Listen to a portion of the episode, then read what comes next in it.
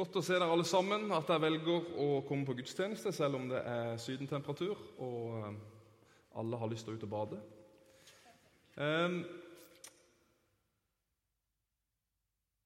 Det var vi, ja, som, som Marit sa, så, så ønsker vi å se på hva er konsekvensen av oppstandelsen. Jesu døde oppstandelse. Hva, hva kommer ut av det? Hva er følgene av det? Hva er konsekvensen av det? Og Det er jo så rikt og så enormt at vi, vi kan bare liksom touche noe av det. da. Eh, derfor blant annet så snakker vi om dåpen, som, som, følger den som kommer til tro, den som omvendte seg, som ville følge Jesus. Han gikk, han gikk ned i dåpsgraven, så vi har snakka om dåpen. Og så eh, forkynte Ole om, eh, fra Efeserne 2 om at vi, er, vi kommer fra død til liv. Vi er døde fra synden, men levende for Kristus. At det er at vi ikke trenger å være bundet av, av, lenkene, av det som synden representerer i våre liv, men vi er fri osv. Det, det er så mye. Men vi skal fortsette på det.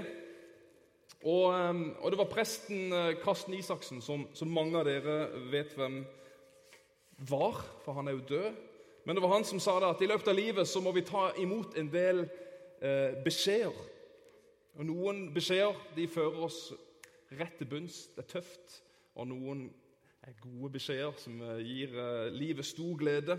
Men det var spesielt to beskjeder som eh, var spesielt betydningsfulle for Karsten Isaksen, og som prega han hver dag. Og Den ene beskjeden det var skal vi se, det var 8. mai 1945. Der har vi den. Da kom beskjeden om at Norge var et fritt land. Krigen er over.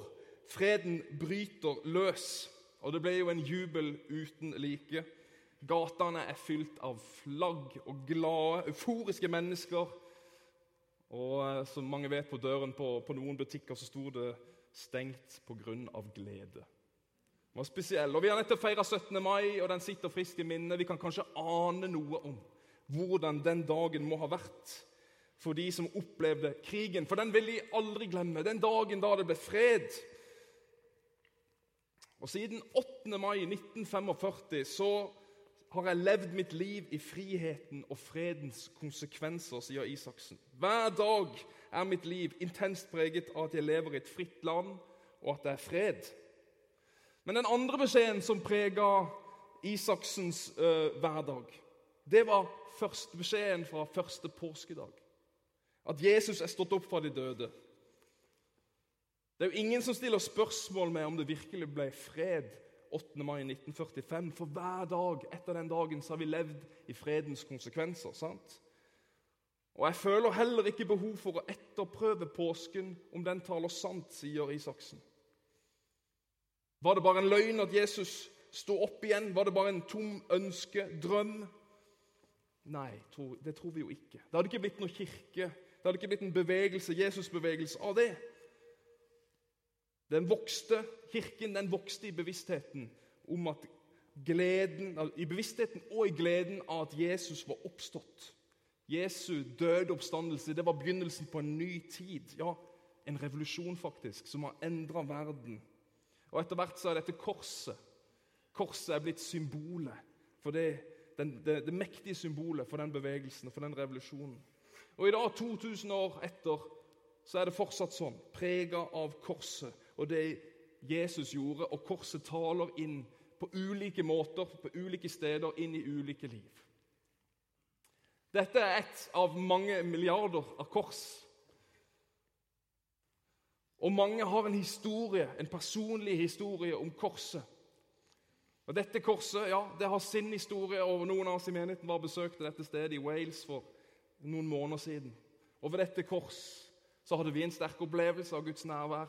Og andre har hatt enormt store opplevelser av helbredelser, av frelse, av frihet. Syner. Ja, Det har vært enormt sterkt gudsnærvær bare ved å se på det korset. Det er noe ved korset som er mektig. Men det er også noe ved korset som er et symbol som har med lidelse å gjøre. sant? Og I oktober 2013 så forliser en, en båt med 500 flyktninger fra Eritrea og Somalia utenfor Italias kyst. Av de 500 som dør 349. De drukner. Og I sin fortvilelse av dette som skjer, og ikke kunne gjøre noe for disse som drukna, så lager kunstneren Francesco Tucchio han lager sånne små kors av skipsvraket. Og Ideen den blir umiddelbart populær og kjent, og blant annet så bærer paven et av disse korsene i en minnestund som ble holdt for de avdøde. Men så ringer British Museum av alle steder. De ringer til han, til denne kunstneren og spør om han ikke kan lage et kors som de kan ha i museet fra dette skipsvraket. Og det henger i British Museum. Et kors fra en båt hvor 349 mennesker døde. Hvorfor ville British Museum ha et kors? Hvorfor lagde han et kors? Korset taler også om lidelse. Men hva er det med dette korset som betyr så mye? Og Den vanligste forklaringen som de fleste av oss har hørt, er jo at Jesu død på korset betalte for min synd, så jeg skulle komme nå til himmelen. Litt sånn som den sangen vi sang. Jesus betalte, han tok straffen jeg skulle ha hatt. Jeg får nå reise til himmelen. Og Det kan jo selvfølgelig høres veldig spennende og revolusjonerende ut for de som aldri har hørt det. Men for de kristne, første kristne så var det ikke dette som var banebrytende. At nå får jeg gå til himmelen. Himmelbilletten er klar. Ren og rettferdig himmelverdig. Det var ikke det som var så revolusjonerende og banebrytende for de første kristne. Det var noe som var mye større enn det. Slapp av, frelsen er selvfølgelig personlig, slik de fleste av oss kjenner han. Du kan sitte trygt. Og Nytestamentlige forfattere de bruker mange ord på å beskrive sin takknemlighet, ja, storheten over at Jesus døde for våre synder. Johannes 3, 16, som vi sang her innledningsvis, for så høyt har Gud elsket verden at han gav sin sønn den enbårne, osv. Det er mange av disse ordene. Men om vi bare ser Jesu verk på korset som personlig frelse uten å se det større bildet, så kan vi fort ledes inn i en, en privat og et egoistisk tankesett. Som om at vi vi, det, det, handler bare om det umiddelbare behovet for tilgivelse. At det blir møtt, og at jeg kommer til himmelen når jeg dør. Uten det større bildet står korset uten noe som betyr noe for hele verden. Uten det større. Vi trenger et større bilde for at korset skal bety noe for verden. For Jesu kors det handler ikke bare om moral, som vi tenker ofte. Som jeg nettopp om. Men det handler om et maktskifte. Ja, det handler om en revolusjon. Ja. Jesus skulle ikke bare eh, sikre oss en komfortabel reise til himmelen når livet tar slutt. Nei, Da kunne han jo bare ha forblitt død. For det står jo at Jesu død soner verdens synd. Nei, det var mer. Han skulle samle hvis det går an å si det på den måten, alle trådene og gjenopprette en hel verden som var ødelagt av en Vær med på bildet nå, en fryktelig diktator. Djevelen. Den onde ble utsatt for et kupp. Et maktskifte er på gang. Jeg vet ikke om du har fulgt med på TV. Jeg er jo jeg er bare 40 år, men allikevel har jeg fått med meg en del revolusjoner på TV. Maktskifter. Saddam Hussein, Ceaucescu, IS nå i det siste, islamsk stat. Statuer faller, slott og palasser de plyndres, hærer i krig. Diktatorer kastes, et nytt regime overtar. Og Det er litt sånn det vi snakker om her også i forhold til evangeliet. Det var derfor Jesus kom, for å ta tilbake makten som vi hadde mistet, eller som vi hadde gitt vekk. alt ettersom. Guds rike kommer inn i denne verden. Demonstrert og forkynt av Jesus. Han ble sagt at han var en oppvigler. Ja, det ble uro i gatene, men egentlig mest i den åndelige verden. I det usynlige er det vill maktkamp på gang. I det åndelige er det vill maktkamp. Og i det synlige så er han egentlig alt annet enn hva vi ser i en kupp, eller tenker er en kuppmaker.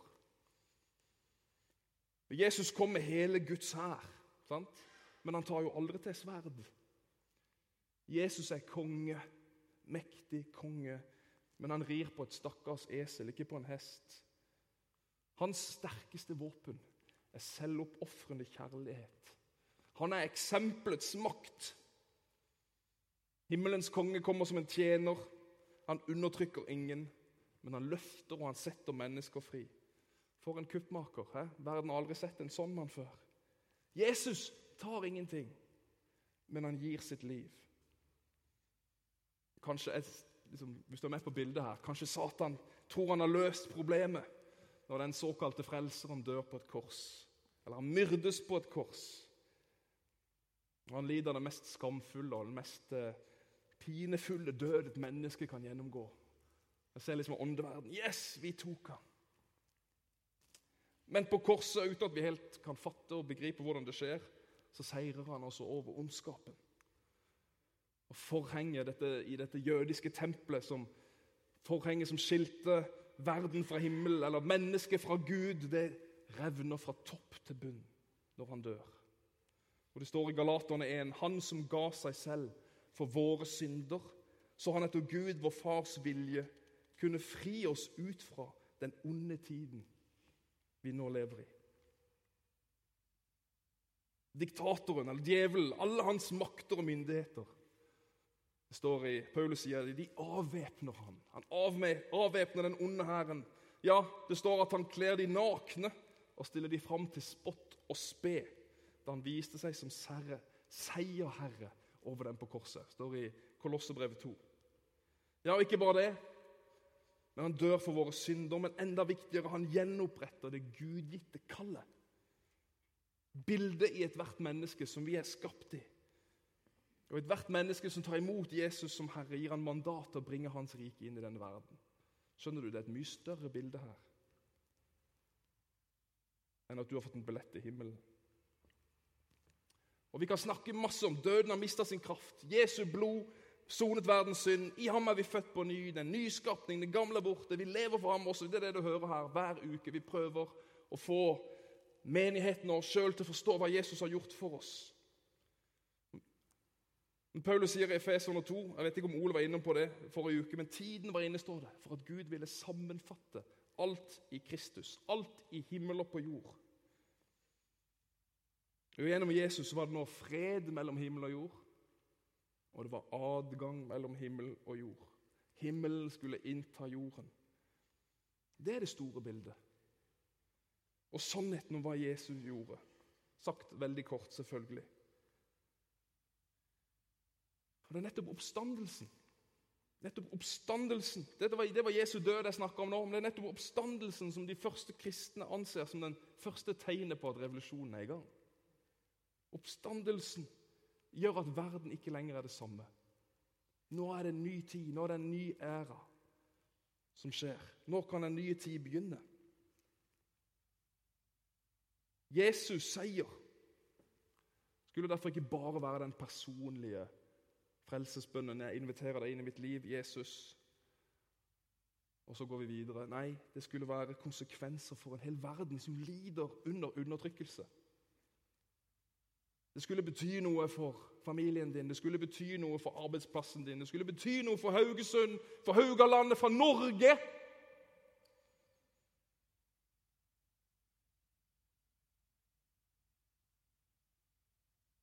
Det er derfor Jesus sier, 'Kom og følg meg'. Ja, men jeg har jo fått det nå, Jesus. Tusen takk. Han sier, 'Kom og følg meg. Gjør som meg.' Som Faderen har sendt meg, så sender jeg deg. Gå ut til alle folkeslag, forkynn evangeliet. Du. Jesus sender oss, du skjønner det. Og Hvordan ser det ut? Og For de av dere som er glad i å se på Netflix og bruker timevis på serier, så har du kanskje vært borti denne. AD, Kingdom and Empire. Det er sånn som Hollywood ser for seg apostelets gjerninger. Veldig tøft. Den anbefaler at du ser mange flotte episoder om disiplene etter at Jesus har reist hjem til himmelen. Når de står der og tenker hva er det vi skal gjøre med dette? Jesu døde oppstandelse, han sender oss ut. Wow, hva gjør vi? Det er jo det apostelens gjerninger handler om. At de prøver å leve ut oppstandelsens konsekvens midt i fiendtlige omgivelser.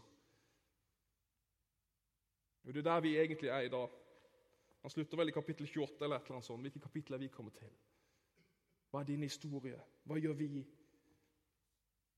For det er jo sånn at Jesus tok jo makten, det tror vi på, men krigen var likevel ikke over. Motstandsstyrker gikk bare i skjul. Nå er det liksom terrorkrig. Du må ikke tro at det var islamsk stat som kom på det. først. Sånn har det vært. Den onde han lever i en sånn krig, fortsatt krig med oss, med mennesker, for å ødelegge denne verden.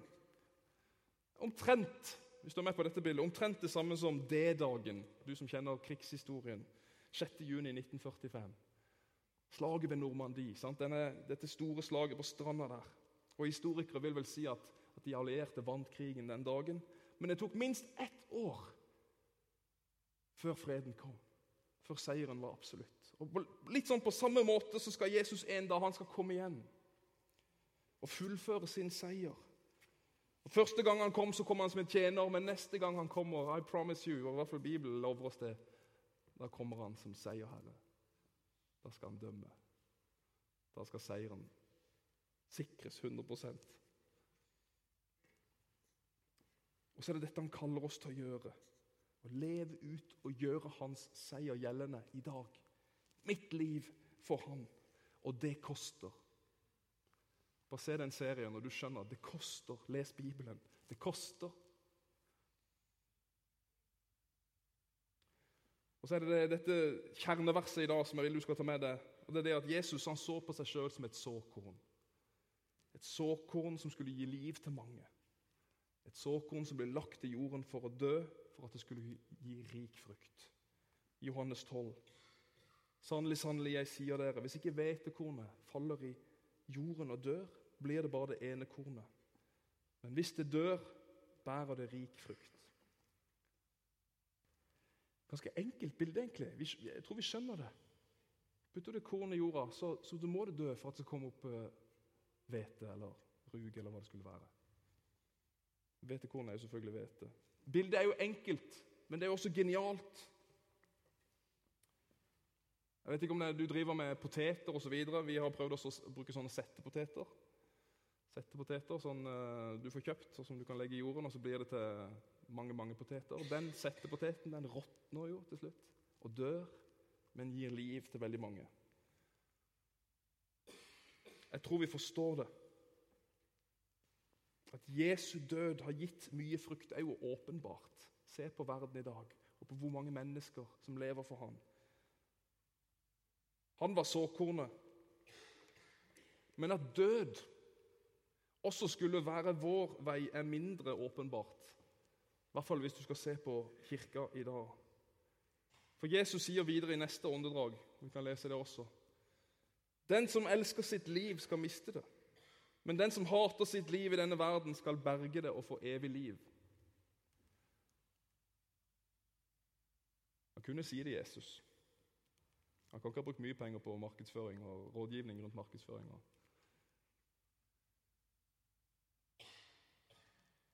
Den som elsker sitt liv, skal miste det. Men den som hater sitt liv i denne verden, skal berge det for, og få evig liv. Hjemme hos oss får vi ikke lov til å bruke ordet hat engang. Det var ventet til Noah skal en dag si ja, men det står i Bibelen, pappa. Vi syns det er et veldig sterkt uttrykk. Det er unødvendig. Du kan si at du ikke liker det. Katrine hun er veldig opptatt av ord, så det er bra. Hun, hun oppdrar oss. Men så står det nå her, da. Jesu ord, Jesu knallharde ord om hva som er etterfølgelse, om hva som leder til et godt liv, faktisk. Hate sitt liv. Vi skal roe det litt ned for å se på sammenhengen mellom de andre ordene som han bruker om samme tema. For Jesus sier 'Den som mister sitt liv for min skyld, skal finne det', sier han. Den som prøver å sikre sitt liv, skal miste det. Men den som mister det, skal vinne det, sier han. Om noen vil følge etter meg, så må han fornekte seg selv og ta sitt kors opp og følge meg. Det henger vi kanskje litt mer på. Vi kan bli litt sånn avskrekka og tenke hate. For det er ikke, Jeg tror ikke det er det Jesus mener, at du skal hate deg sjøl. Det, det, er ikke destruktivt, men han ønsker å utfordre på valg. Han mener hengivenheten og lydigheten til en etterfølger av han må være solid. Så solid at ingenting annet er distraherende. Hengivenhet og lydighet. Han utfordrer veldig på det. Og Veien til det sanne liv, til det gode liv, til det rike liv, det er å hengi seg til Jesus fullstendig.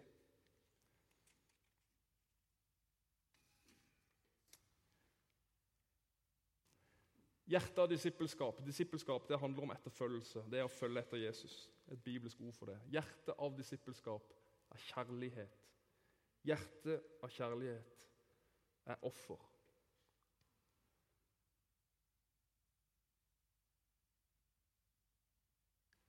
Jeg kjenner at de ordene der de, eh, de faller tungt anno 2019. Det er ikke det vi lærer i vår kultur i dag, men det er sånn det er. Hjertet av disippelskap er kjærlighet. Hjertet av kjærlighet er offer. Dette er Atanasius. Jeg er litt usikker på om jeg har presentert deg for han før. Han er på min alder, fra Syria. Um, han er familiefar, han har tre barn. Um, og er fra Homs i Syria. Bare for noen få år siden så ble jo den invadert av uh, islamsk stat. Og For de av dere som har fulgt med i nyhetene, så vet dere at kristne er blitt eh, slakta ned av den islamske stat gjennom mange år. Krigen i Syria og Irak. Heldigvis er det mye roligere nå. Men en dag så kommer IS, og han har jo bare venta på det. Han er prest i Homs, og han elsker sitt folk der, han elsker menigheten der. og IS er på vei inn. Folk forlater jo Syria og Irak. Der vet det, det har vært mange millioner på, på, på flukt.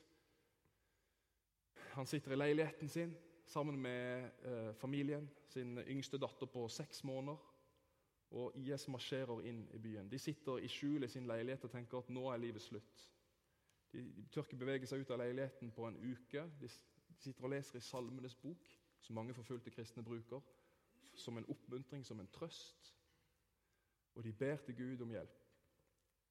En dag så kommer det noen kristne som vet at han bor der, med en, med en likbil og later som de er døde, og får de inn i bilen og kjører de ut av byen. Sånn sett så redder de livet. Og så er, jo valget der som mange av de andre hadde. Skal vi, bare, skal vi flykte til Europa? Skal vi flykte vekk fra byen? Men han kjenner at Gud kaller han til å stå. Jeg vil stå. Jeg vil være her. Jeg vil tjene Guds rike i Homs. Og Så blir det noen år med, med Det er jo lite forsyninger, det er lite mat. Men han ønsker å tjene dem. Det, mange, det, var jo mange som ikke kunne flykte. Det er mange som er fattige. De hadde ikke sjanse til å flykte. Og Han kjenner at Jesus kaller han til å stå, og de blir. Og Gjennom okkupasjonen så løper han mellom kuleregn. Han løper fra skyttergrav til skyttergrav for å besøke mennesker, for å be for dem, og for å gi dem mat og for å tjene dem. Og Det kjente han på hans sitt kall. Og For meg så blir det det perfekte. holdt jeg på å si. Han er jo ikke perfekt på ingen måte, men det blir det optimale eksempel på å dø ta opp sitt kors.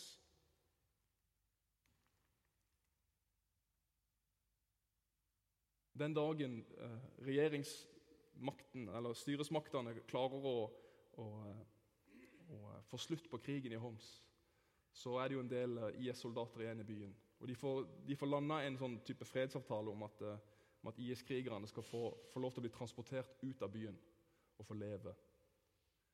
Og hvem andre enn han og flere av de andre prestene som har eh, mista mange av sine menighetsmedlemmer, som har familiemedlemmer som er kidnappa. Hvem andre enn disse? Disse prestene måtte kjøre i busser inn til fienden i byen. Åpne bussdøra, og døden Han ser døden i hvitøyet og fyller bussen med disse terroristene og får ikke lov til å gjøre noen ting, selvfølgelig. Men han gjør det så godt han kan i kjærlighet og kjører de ut av byen. Vi snakker om å dø.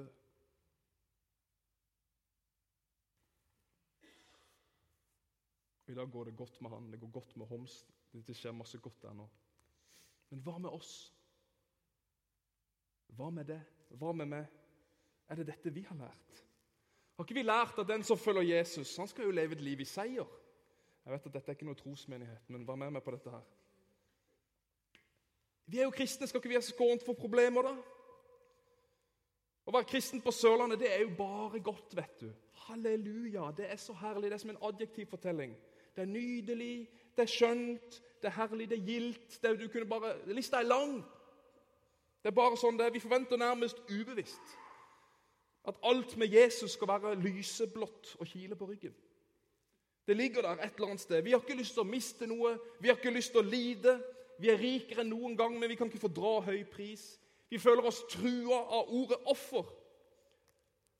Jeg som trodde det gode livet lå i Ikea-katalogen. Nei, unnskyld, Biltema-katalogen. En pensjonsordning eller den beste forsikringen for minst mulig penger. Eller elbilen med lengst rekkevidde. Nei da. Fredagskvelden. Hytteturen. Nei, fisketuren, forresten. Ferieturer til Syden. Nei, mest sannsynlig Tysværtunet på meg. Men vi er Jesu etterfølgere. Men vi kjemper likevel for å bevare og realisere vårt eget liv. Jeg tror vi har glemt at dåpen, innledninga til det kristne livet, som mange av oss har vært igjennom, det er jo en dåp til hans død.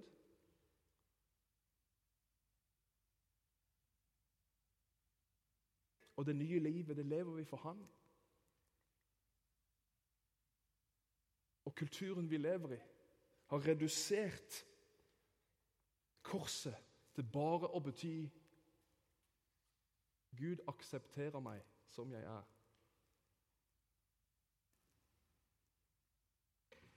Jeg tror ikke du fikk med deg det jeg sa. Og kulturen vi lever i, har i verste fall redusert korset til bare å bety Gud aksepterer meg som jeg er. Ja, han elsker deg. Ubetinga, grenseløst, helt vilt. Ikke misforstå. Men handler korset om at Gud aksepterer meg som jeg er? Det er noe vi har mista på veien her gjennom 2000 år lang historie.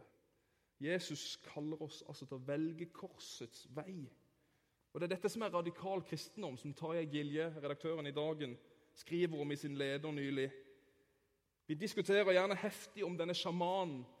Vi ber imot denne sjamanen som skal komme inn i norske kirker. Han må jo ikke få lov til dette. Vi diskuterer heftig. Han må ikke få lov til å komme inn i kirkerommet med sine heksekunstner mens vi sjøl vi mangler all kraft. Kraften av radikale kristne som er villige til å gi sine liv for at Jesus skal bli synlig i denne verden. Perspektiver. Hvor er de radikale kristne?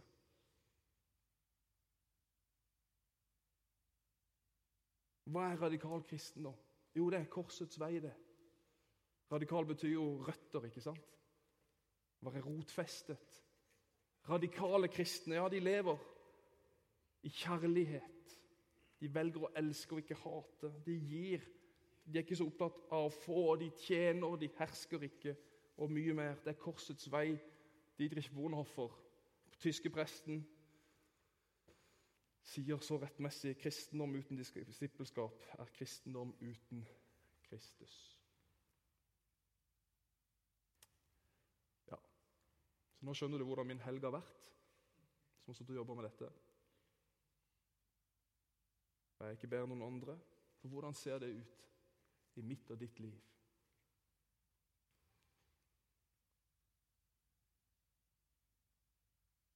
Ja, jeg har min vei. Jeg har min død. Jeg tror kanskje det blir litt for privat å dele, faktisk. Men du vet godt hvor kampen står i ditt eget liv. Hva er det du må dø ifra? Hva er det du må ta opp? Hva er det du må gjøre? Å følge Jesus er det mest givende i livet. Det kan, jo, det kan jo høres så usselt og så svakt og så smertefullt ut, men det, det, er, det er et fantastisk liv. Ja, det fører til skuffelser, til tap, til frustrasjon, til smerte, til sorg. Vi er jo ikke skånt fra det. Enda verre for Atanasius og de forfulgte kristne. Og ord kommer til kort for å beskrive hvor høy verdien er, hvor fantastisk det er, hvor godt det er, hvor meningsfullt det er. Jeg skal avslutte med en historie om den båten her. SS United States. For mot slutten av 1940-årene, vi er fortsatt eh, rundt krigen, for å si det sånn, da, så gir den amerikanske regjeringen et oppdrag til William Francis Gibbs om å bygge et fartøy som å bygge for marinen, amerikanske marinen til en verdi av 80 000 dollar. Dette er altså i 49, 40-årene. Eh, sammen med et rederi skulle han konstruere et skip som er så raskt og så effektivt at det kan frakte 15 000 soldater i krigstid. Og I 1952 står dette her da, SS United States ferdig. Skipet har en toppfart på utrolige 44 knop. Det er over 80 km i timen. det. Du kunne reise 16 000 km på én tank. Du kunne kjøre fra alle skip og komme seg hvor som helst på kloden innen ti dager. Og Denne båten var det raskeste og mest pålitelige troppetransportfartøyet i hele verden. Det eneste som er, er at eh, det ble aldri brukt til det. I hvert fall ikke offisielt. Det ble satt i beredskap under Cuba-krisen i 62, men bortsett fra det så ble det aldri brukt. Tross disse fantastiske egenskapene som det hadde. Skipet ble istedenfor et cruiseskip for presidenter, for statsoverhoder og et utall andre berømtheter, som fikk reise med det i løpet av de 17 årene som det var i bruk. Og Som cruiseskip kunne det romme ikke 15 000 mennesker, men ta litt under 2000 passasjerer. Og Disse heldige passasjerene de kunne få nyte godt av 659 luksuslugarer, fire restauranter, tre barer, to kinosaler og 20 000 kvadratmeter med åpent dekke. Oppvarmet basseng og 19 heiser. Og I stedet for å være et fartøy som ble brukt i strid, så ble altså USS United States en luksusopplevelse for velstående mennesker som ønsker å krysse Atlanteren på fredelig vis. Det er jo sånn at Verden oppleves radikalt ulikt på et cruiseskip enn på et troppetransportfartøy. Ansiktet til soldatene gjør seg klare til kamp. Det skiller seg radikalt ifra cruiseturister som nipper til drinken på dekk. Og ikke minst ressurssparingen på et troppetransportfartøy står i skarp kontrast til sløseriet og overfloden på en cruisebåt. Enig? Og hastigheten til det første er nødvendigvis mye raskere enn det siste. Troppetransportfartøy har en viktig oppgave å utføre. Et cruiseskip er jo bare til for å nyte reisen. Dette er egentlig et veldig godt bilde på kirkas historie. Som båten er kirka. Vi er skapt for strid. Vi er, vi vi er frelst for å gi vårt liv til en revolusjon i Guds rike. Og hensikten med kirka, som Jesus døde for, var jo å mobilisere mennesker for et oppdrag. Og Likevel så kan det virke som at vi som, at vi som uh, har bygga om kirka fra et troppetrans, troppetransportfartøy til en cruisebåt Er det det kirka er blitt? Måten vi har innretta oss på, kan kanskje tyde på at vi heller vil nyte det gode livet, alt det gode som livet har å by på, mer enn å gi alt for at himmelen skal innta jorden. Så er spørsmålet er du villig til å være hans såkorn. Jeg Er villig til å være hans såkorn? Hva er jeg villig til å gi opp? Hva er jeg villig til å dø fra? Er du klar til å følge Jesus? Skal vi be sammen? Lovsangsteamet kan komme opp.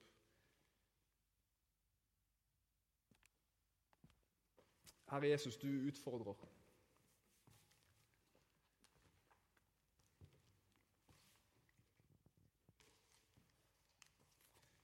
Takk for at det er sånn, Herre. Herre, takk for at du gir oss noe å leve for. Herre, takk for at det fins noe mer enn å bare nyte og eie. Herre, takk for at du gir ordet å leve en helt annen dimensjon. Og Så ser du, Herre, vi måtte, hva vi måtte kjenne oss utfordra på, Herre. Og Jeg ber om at du må hjelpe oss å ta imot, Herre, disse sterke, tydelige ord fra deg. Sånn at ditt rike kan gå fram. Sånn at vi kan være en menighet, Herre, der ditt rike går fram. Hjelp oss, Herre. La din kjærlighet, la din kraft bli synlig gjennom våre liv.